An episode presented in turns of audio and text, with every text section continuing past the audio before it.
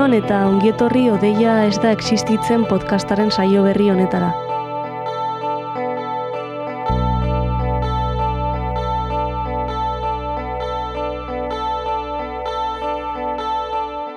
Gaurko saioa eskuntzaren gai sakonari eskainiko diogu.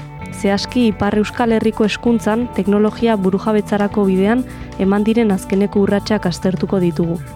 Horretarako lehenengo gonbidatua Eder Etxeberria izango da. Eder Donibane loitzuneko gurasoa da eta Bernarte Etxepare Lizeoko irakaslea da.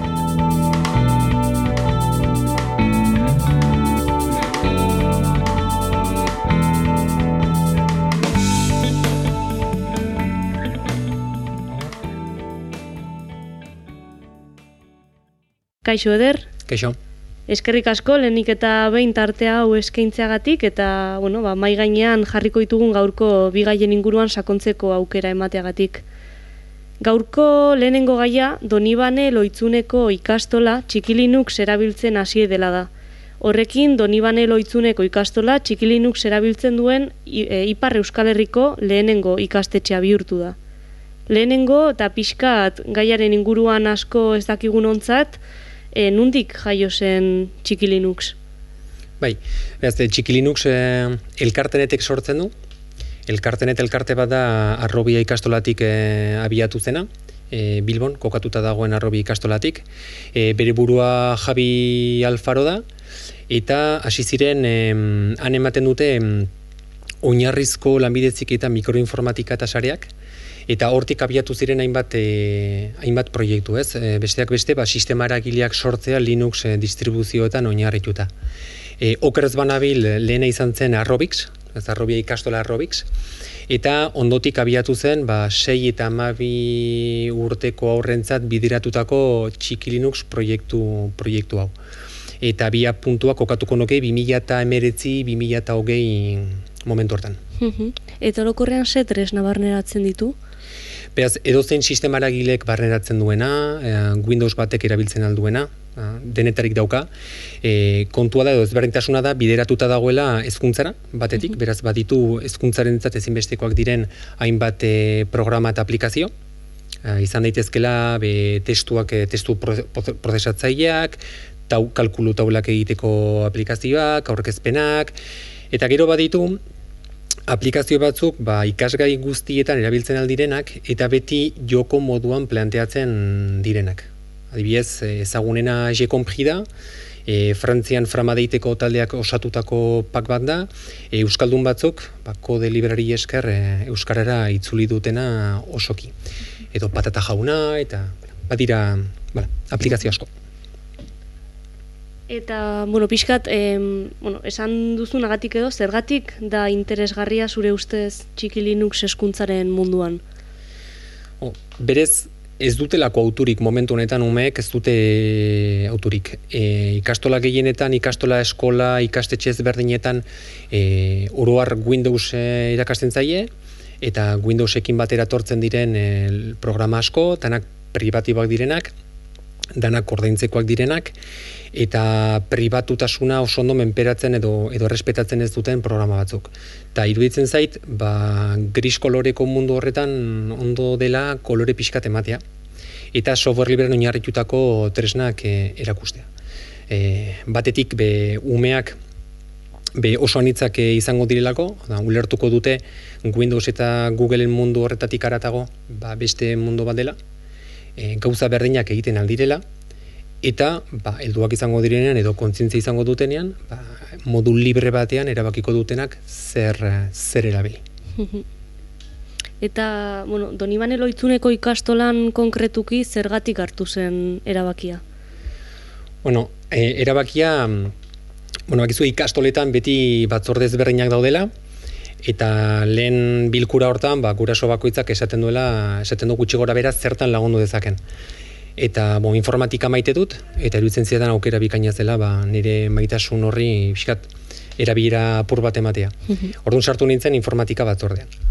Eta ikastolako ateak ireki zizkidatenean, konturatu nintzen, besteak beste, e, ordenagailuetan erabiltzen zen sistema Windows zazpi zela, beraz e, ustaia, ustaietik mantenimendurik ez daukan e, sistema eragilea, eta hori batetik, bestetik baziren jadanik programa batzuk Windows zazpirentzat eginak ez zirenak eta nahiko gaizki biltzen zirenak, eta azkenik, ba, bueno, ba, hemen e, ikastolan e, apaltasunetik esaten dugu, ez ditugu azken azken teknologia daramatzaten ordenagailoak baliatzen.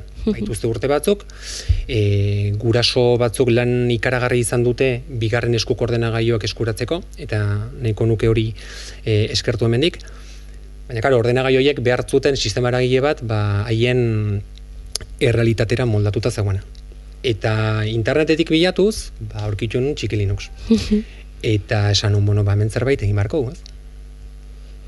Eta, bueno, e, zein esango zenuke izan dela pixkat eukidun harrera? Bo, harrera oso positiboa estapenetik.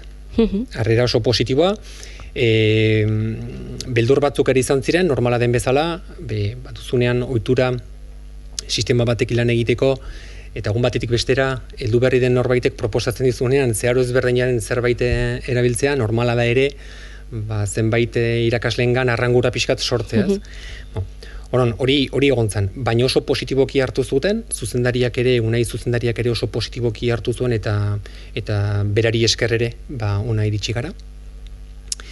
Irakasleak ongi hartu zuten eta gero gero guk ere plantan eman genuen sistema bat, esan genuen bo. Hau berria da, eh, ohiturak aldatuko dizkiegu, beraz laguntza bat eman martzaile eta sostengo bat eman martzaile eta beraz e, iruditu zitzaigun ona litzatekeela ba ondo gongo litzatekeela telegram kate bat sortzea mhm. Orduan ja hor bigarren urrats bat eman genuen software librean ze hemen mundu guztiak WhatsApp erabiltzen du eta beraz telegram ireki genuen eta telegram hortan egin genuen izan zen informatika doni bani ikastola E, ni administratzaile gisa eta hemengo irakasle guztiak erabiltzaile gisa eta hori baliatu izan genuen nolabait zalantza galdera guztiak zentralizatzeko. Orduan, galdera bati, erantzun bat e, zetorkion, eta bideoekin eta argazkiekin gaur egun oso errezata hartu eman hori egitea. Eta lehen bi astetan pare bat desplazamendu egin bar izan banitu ere, gero hirugarren astetik aurrera zalantzak desagertzen mm juntzian, eta badirudi nahiko nahiko ondo da biela. Eta aurrei dagokionez, zein zenolako jarrera eukidu klasetan eta?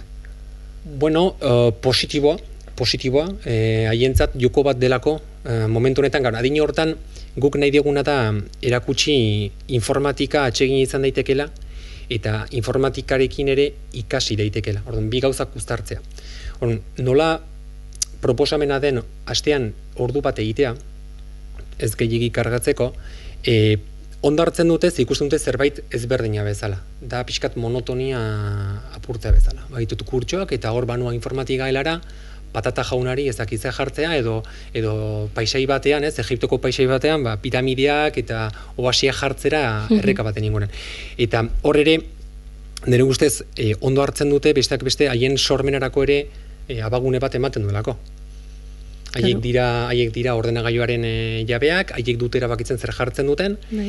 eta nire ustez, nire ustez ez dira konturatzen benetan ikasten ari direla eh olako olako programak erabiltzen. Bai, hor ne ustez leno gauza garrantzitsu bat eh, esan dezuta dala baita ere azkenean aurrei beste aukera batzuk daudela erakusten diezula honela. Bai. Igual orain pizkat jolas modura edo, baino hori azkenean beraiek, bueno, bereganatuko duten zerbait dela.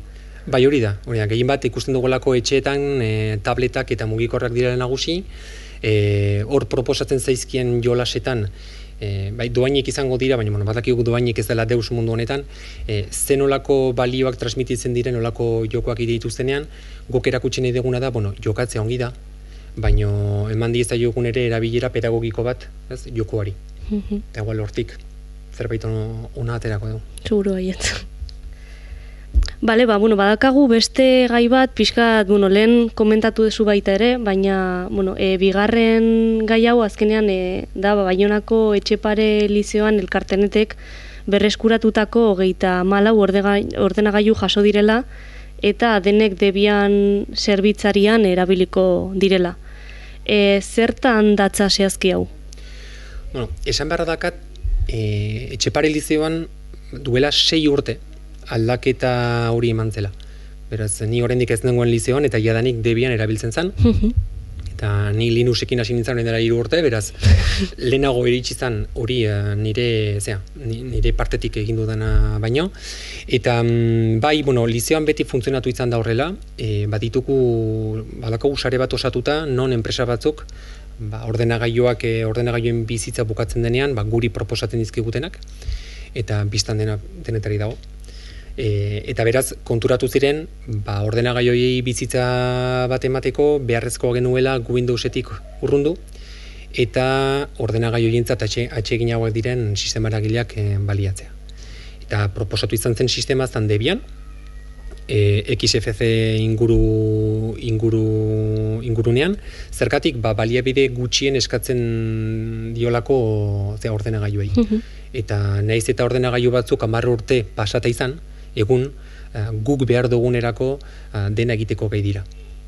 Orduan, etxe parilizean abiatu zen lan horretatik, etorri zeren gero uh, kanbo eta um, estitxo robles baionako kolegioan, uh gauza bera erabiltzen dute, eta enpresa bat dugu kanpotik kudeatzen diguna zerbitzari batean. Jos. Eta zein izan da gutxi gora bera prozesua? Ba, prozesua zehatz ere ez dut ezagutzen, esan dizuetan bezala nire iritsira baino lehen egin izan zelako, baina mm, nire ustez e, egin zan ere kostu analisi bat, esan dut, zuk baldin baituzu momentu honetan lizeoan egongo dira egun da berrogeita mar bat ordenagailu, holotara. Eta ordenagailu bakoitzari e, lizentzia bat erosi barba diozu egun da bost euro direla, hor kontuak ateratzen dituzu, eta horrek kostu bat suposatzen dio lizeari. Bestalde batetik zer dugu, bueno, ba, sarean lan egitea zerbitzari bati esker, e, software erabiltzen dugun software ez dugu ordaintzen, egia da gero e, zerbitzaria eskaintzen diguten oiei, be ordainketa bat egiten zaiela. Baina, e, badaki gure lanpostok sortzen ari garela gure etxetik hartu, e, zerbitzu ematen digutenak ere gehienak euskaldunak dira, azparrenen daude, eta nolabait da, sistema bat, e, jendarteari itzultzen diona berak ematen diona, ez? Eta mhm. nire ustez ebe hortik etorri izan gogo eta gogo eta hori. Ados, ados. Eta pixkat, bueno, galdera hu pixkat maila orokorrago batean, baina behar bada gaian aditu ez diren direnentzat edo, e, edo garen ontzat, e, debian eta txikilinuksen arteko ezberdintasun negusiak zeintzuk, zeintzuk dira, maila orokor batean. E, maila orokor baten esango dut, e, ni naizelako ni naizelako jantzia, nik, nik maite dut gaia eta ikasi dut eta baina ez naiz e, bat ere teknikoa. E, bon, Linux munduan e, edonok sortu dezake bere sistema eragile propio. Mhm.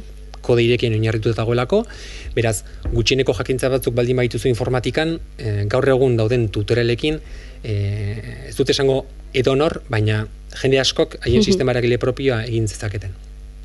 Eta ezberdintasuna zein da? Bueno, e, zuk bat duzu e, sistema eragila ditzen dena, bai, kernel du izena, eta kernel hori publikoa da. eta gero, garatu dezakezu kernel horren inguruan, dala ordenagailuaren nuklea, zuk aldi, aldituzu gehitu zenolako programak sartuko dizkiozun. E, zenolako ingurune emango diozun. E, baliabide asko kontsumitzen duena, edo gutxi, e, denetarik. Eta gero nola e, komunitatea den Linux, esan dezakegu Debian dala Linux distribuzio gehienen ama. Gehienen ama. Mhm. Eta Debian, Debianen oinarritzen dira gero beste batzuk. Bai, badaude ba Ubuntu bezalakoa, kada Ubuntu oinarritzen da Debianen, zergatik ba Debianek konpartitzen dolako bere jakintza Ubunturen garratzaiekin. Eta Ubuntu zein da oinarritzen dena, be Linux Mint. Mhm. Eta guk zer egin genuen, ba, mo, nik ez duen egin, elkartenetekoak zer egin zuten. Linux Mint hartu zuten, Linux mintek egiten duelako oso, oso ondo dela Windowsetik oso hurbil egon. Hau da, visualki oso oso gertu dagoenez, erabiltzaile arrunt batentzat, ez zaio bat ere bat ere bat ere arrotza egiten ordenagailuak proposatzen duen sistema eragile hori. Ados. Eta estrategia bezala iruditzen zait oso inteligentea dela lehen arresi hori, bai? ba, lehen arresi horien gainetik pasatzen garelako.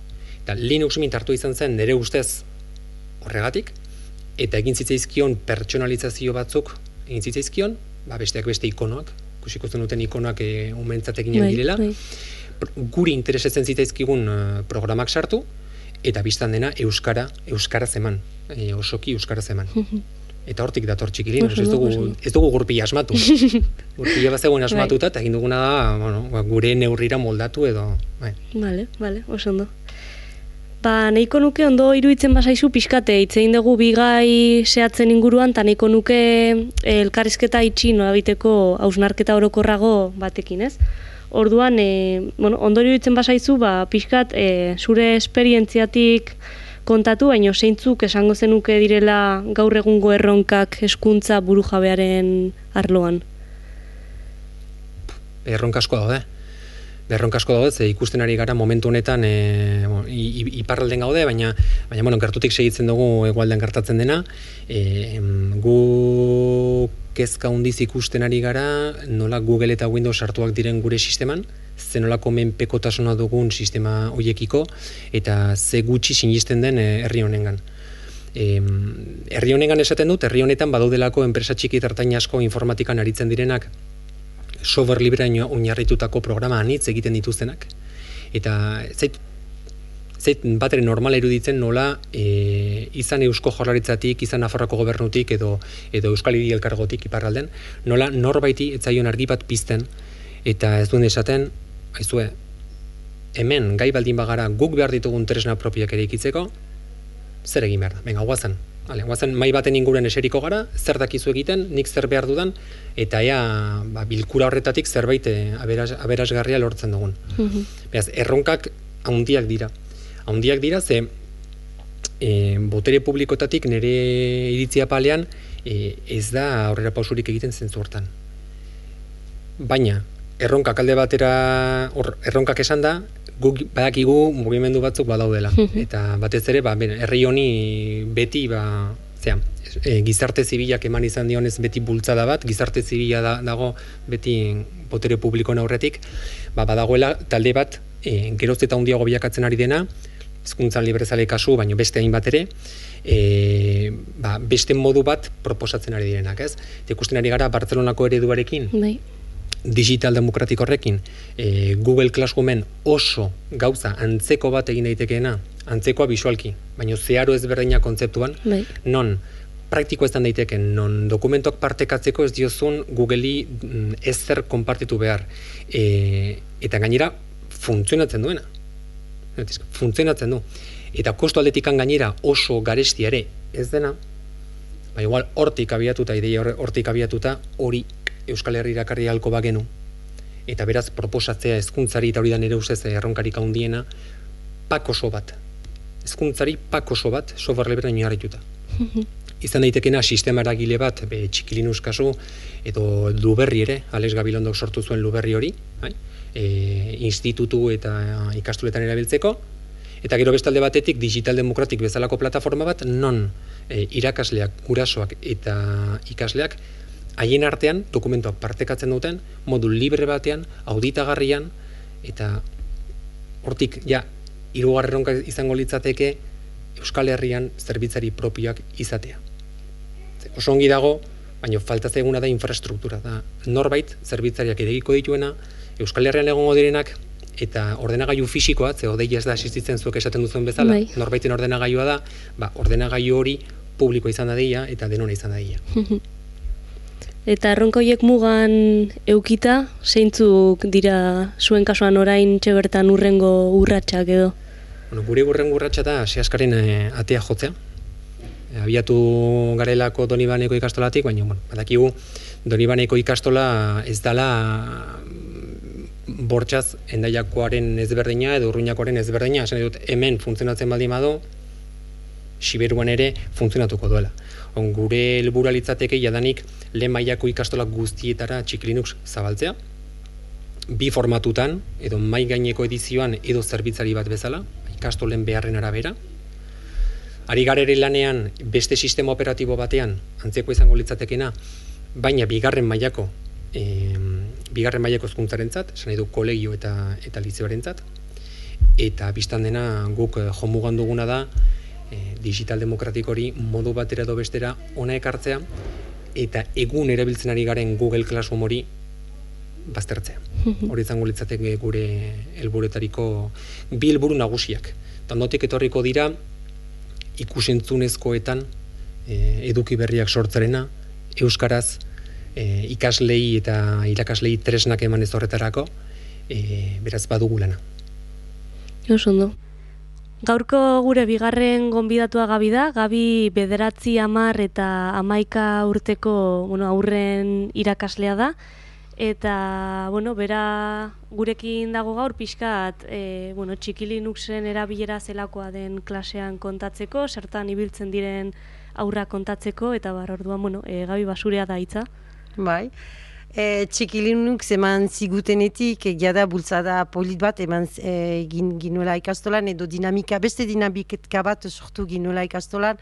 Ala nola gelaka informatika gelaragan eta gero e, eman zizkigu, e, eskaini zizkiguten ere e, bakarkako ordinagailu batzuk hori e, gelaz gela erabiltzen aldirenak Eta batetik, e, bon, denek material berdina eukitzeaz gain, e, euskeraz ere iztegi bat ikasten ari direla aurrak, hori bat bada.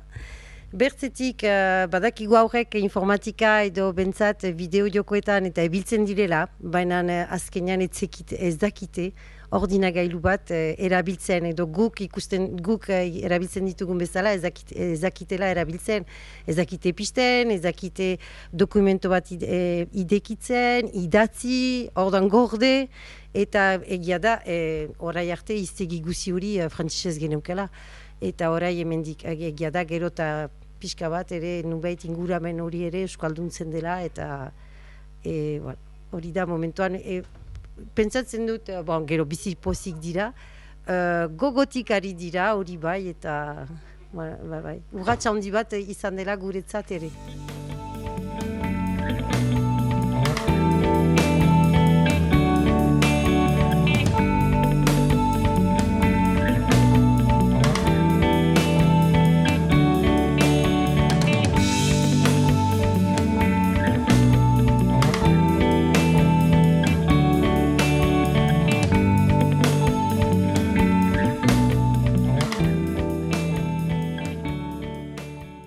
Ba, gaurko protagonistak ditugu hemen, e, orain beraiei emango dietitza euren buruak e, aurkezteko, orduan, bueno, e, nola deitzen zarete? Ni Imanol deitzen naiz. Ni Fan deitzen naiz. Ni Gorka deitzen naiz. Ilargi deitzen naiz. Aialde deitzen naiz. Iban deitzen naiz. Osondo, eta bueno, hemen gaude gaur txikilinuxen inguruan hitz egiteko, eh? Zuek txikilinux erabiltzen dezute klasean? Bai. Bai. Bai, bai. E, lehenengo galdera, e, zerre, zerretan erabiltzen dezute txikilinux klasean? Zer motatako ariketak edo egiten dituzue? Idazteko edo joko mm, edukatiboak egiteko. Eta ze moduzkoa, nola mm, erabiltzen erresa da zuentzat, o gustatzen zaizue txikilinux erabiltzea? Uh, ba, bai. Ez denetan, zenta uh, batzutan saila da erabiltza. Bai, egia da. Duela zenbat hasi zarete txikilinux erabiltzen? Uh, ez egite jaiten, me... Uh, ez dakit sobera. Urte honetan. Bai. Eta gutxi gora bera, ze ariketa motak egiten dituzue? Be, batzutan da badira hitzak geisten dira eta berdira idatzi uh, be, e, emanak direnak. Eta gero jokoak egiten ditugu. Eta ere uh, joko piatzen dugu uh, batzutan uh, testuak. Mhm, uh Eta etxean txikilinuk zera biltzen dezute? Ez dezu zera biltzen dezu etxean? Google. Eta zertarako erabiltzen dezu normalean? Bideoak enbigirateko. Mhm. Nire lehen egin duguna e, txikilinuk sekin. E, da historio bat egin dugu.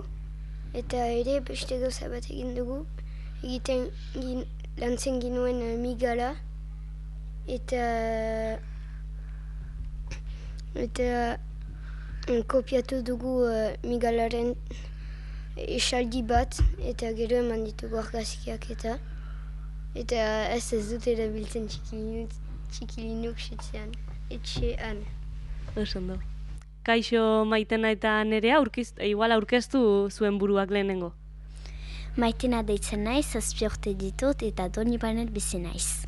Nerea deitzen naiz, zazpi urte dit, zazpi eta erdi dit, urte ditut eta azkainez, be, azkainez, azkainen bizi naiz. Oso ondo. Eta, bueno, em, maitena eta nerea, e, lehenengo, zertarako erabiltzen duzuet txiki Linux klasean? Be, pixkat egiten dugu ez aintzailea izaiteko eh, lana, be erabiltzen dugu pixkat ikasteko eta aldi berean pixkat jostatzeko. Oso ondo. Eta etxean ere erabiltzen duzuet txiki Linux? Ni batutan bai, eta biziki maite dut jostatzea, eta hainitz maite dut uh, joko horietan jostatzea. Eta adibidez, zer da gehien gustatzen zaizuna egitea? Mm, musikaren jokoa. Mhm. Eta zer da musikaren joko hori? Be, atseman behar dira munduan em, diren musikak, eta eta gero entz, ongi entzun dituzularik, be atseman behar dira zein diren. Mhm, Oso. Zuk buruarekin esan dezu eset, etxean ez dezula Ez. erabiltzen. Eta baino klasean erabiltzea gustatzen zaizu? Bai, Eta e, batez ere zer da gehien gustatzen zaizuna? Uh, hainitz maite dut eh, da planeten joko bat, eta planeta bat hautatzen dugu, eta galderak bat dira, eta guk eh, erantzun behar dugu. Oso ondo. Eta etxean beste ordenagailuren bat baldin badakazute, e, nabaritzen dezue ezberdintasunik e, klasean erabiltzen dezutenaren eta etxean daukazunaren artean? Ez, Ez. Nerea, zuk esan dezu amonaren etxean e, txiki Linux ordenagailu bat daukazuela, ez? Hori erabiltzen dezutela. Bai, astelenero joaiten naiz, orduan astelenero jostatzen naiz, eta batzutan hartzen ditut joko berdinak, eta batzutan ez. Eta biziki maite dut um, maitenak janduen jokoa planetena, ere. Eta askotan jolasten dezu? Bai. Egunero? Bai. Eta gustatzen zaizu? Bai. Bai. Eta aitak uh, erosi du jokoa eta laizter etorriko da. Bere ordina gailura. Oso ondo.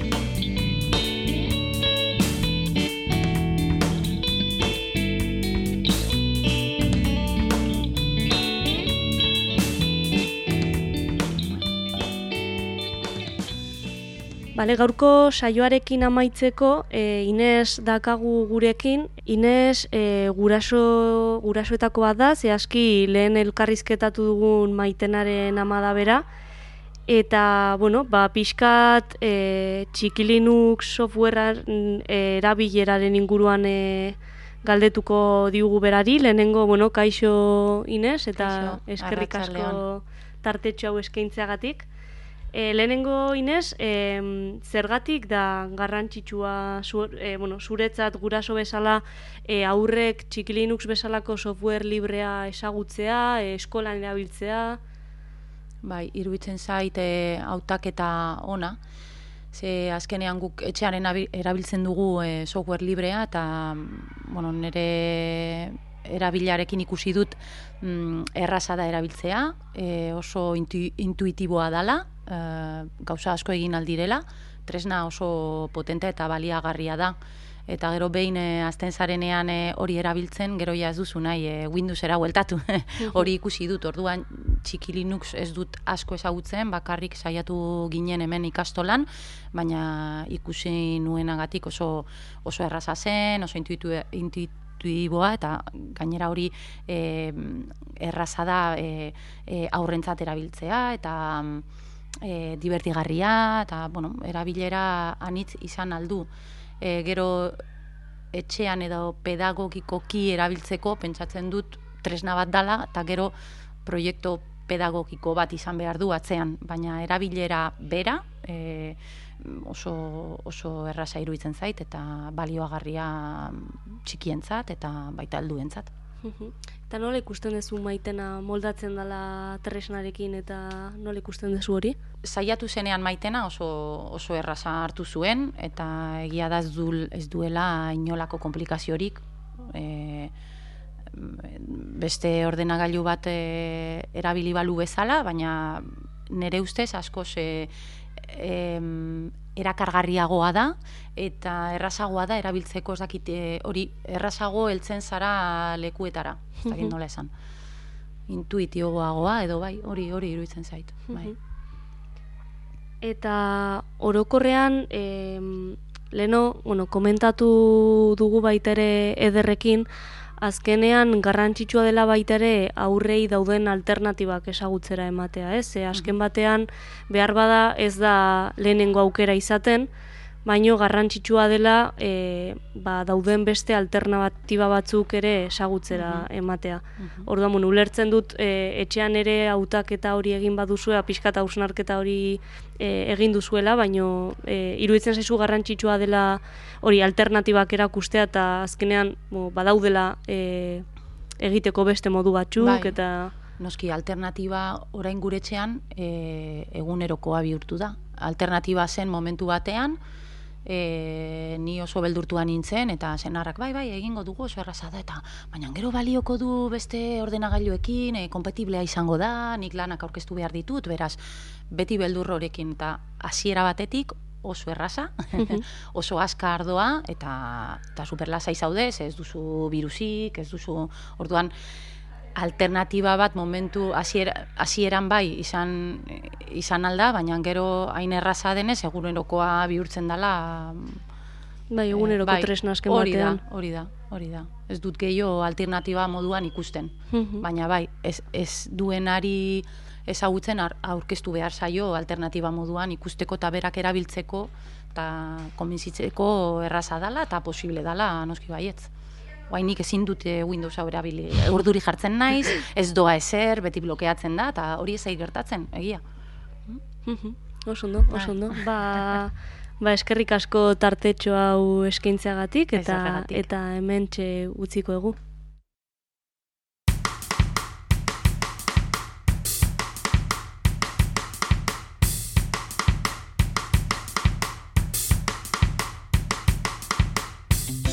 Amaitzeko gure albistegi atalarekin usten zaituztet. Nerea eta Kristina zuena daitza.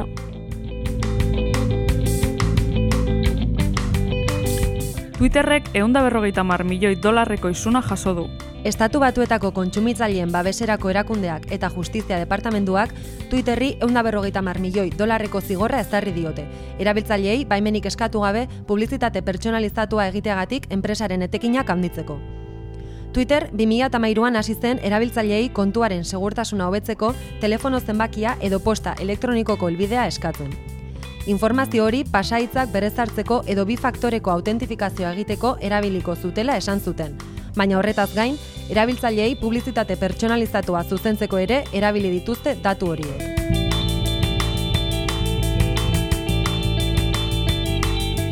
Pinguinoak desertuan. Eskola 2.0ko eramangarriak txikilinusekin amazig aurrentzat. Elkartenet eta garas elkartetako kideek txikilinuz instalatutako hogeita bi ordenagailu berreskuratu eta Afrika iparraldeko erratxidi eskualdera eraman dituzte, bertako ikastetxetako irakaslei aurkeztu eta formazioa emateko. Tokiko amazi erakundeekin lankidetzan, berreskuratutako informatika ekipoak hezkuntzan erabiltzea helburua duen mugari gabeko ikasgelak proiektuaren barne egin dute bidaia. Guztira, lareun eramangarri eta ordenagailu eta sei imprimagailu bildu dituzte proiektuan amabigela informatiko sortzeko. Egokitutako txikilinux erabiliz, amazi gaurrek jolasaren bidezko ikaskuntzan oinarrituta informatika klaseak jaso ditzaten. Google'i amar milioi euroko isuna ezarri dio Espainiako datuen babeserako agentziak. Biara urratze oso larri aurpegiratu dizkio Espainiako datuen babeserako agentziak Google'i. Erabiltzaileen datuak hirugarrengoekin legitimaziorik gabe partekatu izana eta aztua izateko eskubidea trabatzea. Horren ondorioz, orain arte, AEPD agentziak ezarri duen zigorrik altuena ezarri zaio multinazionalari. Anztura digitalaren gaia ez da gaur goizekoa. 2008an Europar Batasuneko Justizia Auzitegiak Googleen aurka emandako epaiak aztua izateko eskubidea deitua onartzea ekarri zuen. Hau da, Google'i eduki bat bilaketetan ez erakusteko eskatzeko aukera izatea. 2008an, The Guardianek argitaratu zuenez, eskaeren euneko larogeita amabosta, herritar arruntek egin zituzten beren pribatutasuna babesteko, ez kriminal, politikari edo pertsona ospetsuek.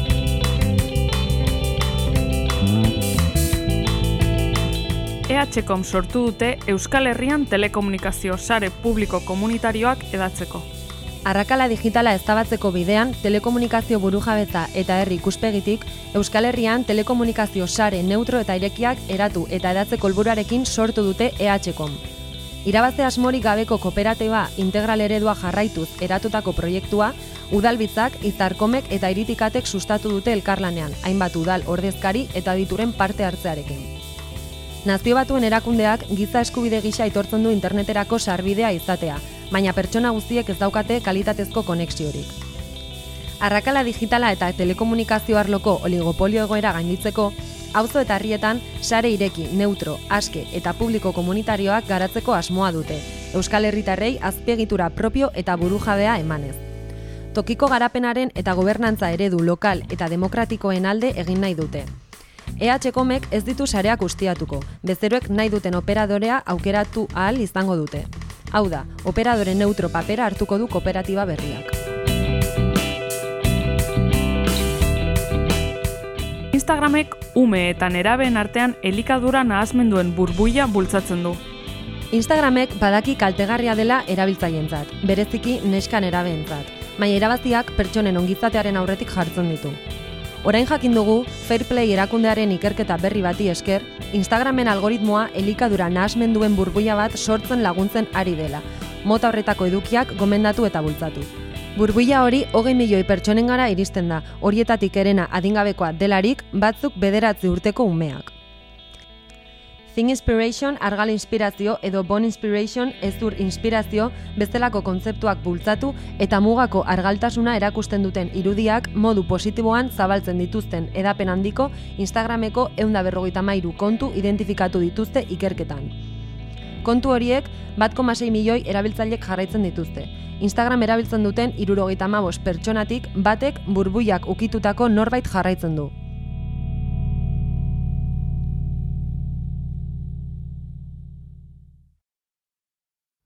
Ikusi dugun bezala bidea luzea da oraindik, baina urratsak ematen hasia gara. Eskerrik asko Donibane Loitzuneko ikastolari eta eskerrik asko noski beste aldean jarraitzen gaitu sonoi. Saionetan berria bazara edo eta orain arteko saioak entzun nahi badituzu, jakin saio guztiak jametza.eus webunean aurkituko dituzula, odeia ez da existitzen atalean, edota jametzan sortu dugun baleafunk.eus instantzia librean. Besterik gabe, beti bezala plazerra izan da gai berri bat mai gainera ekartzea, eta hurren arte. Agur!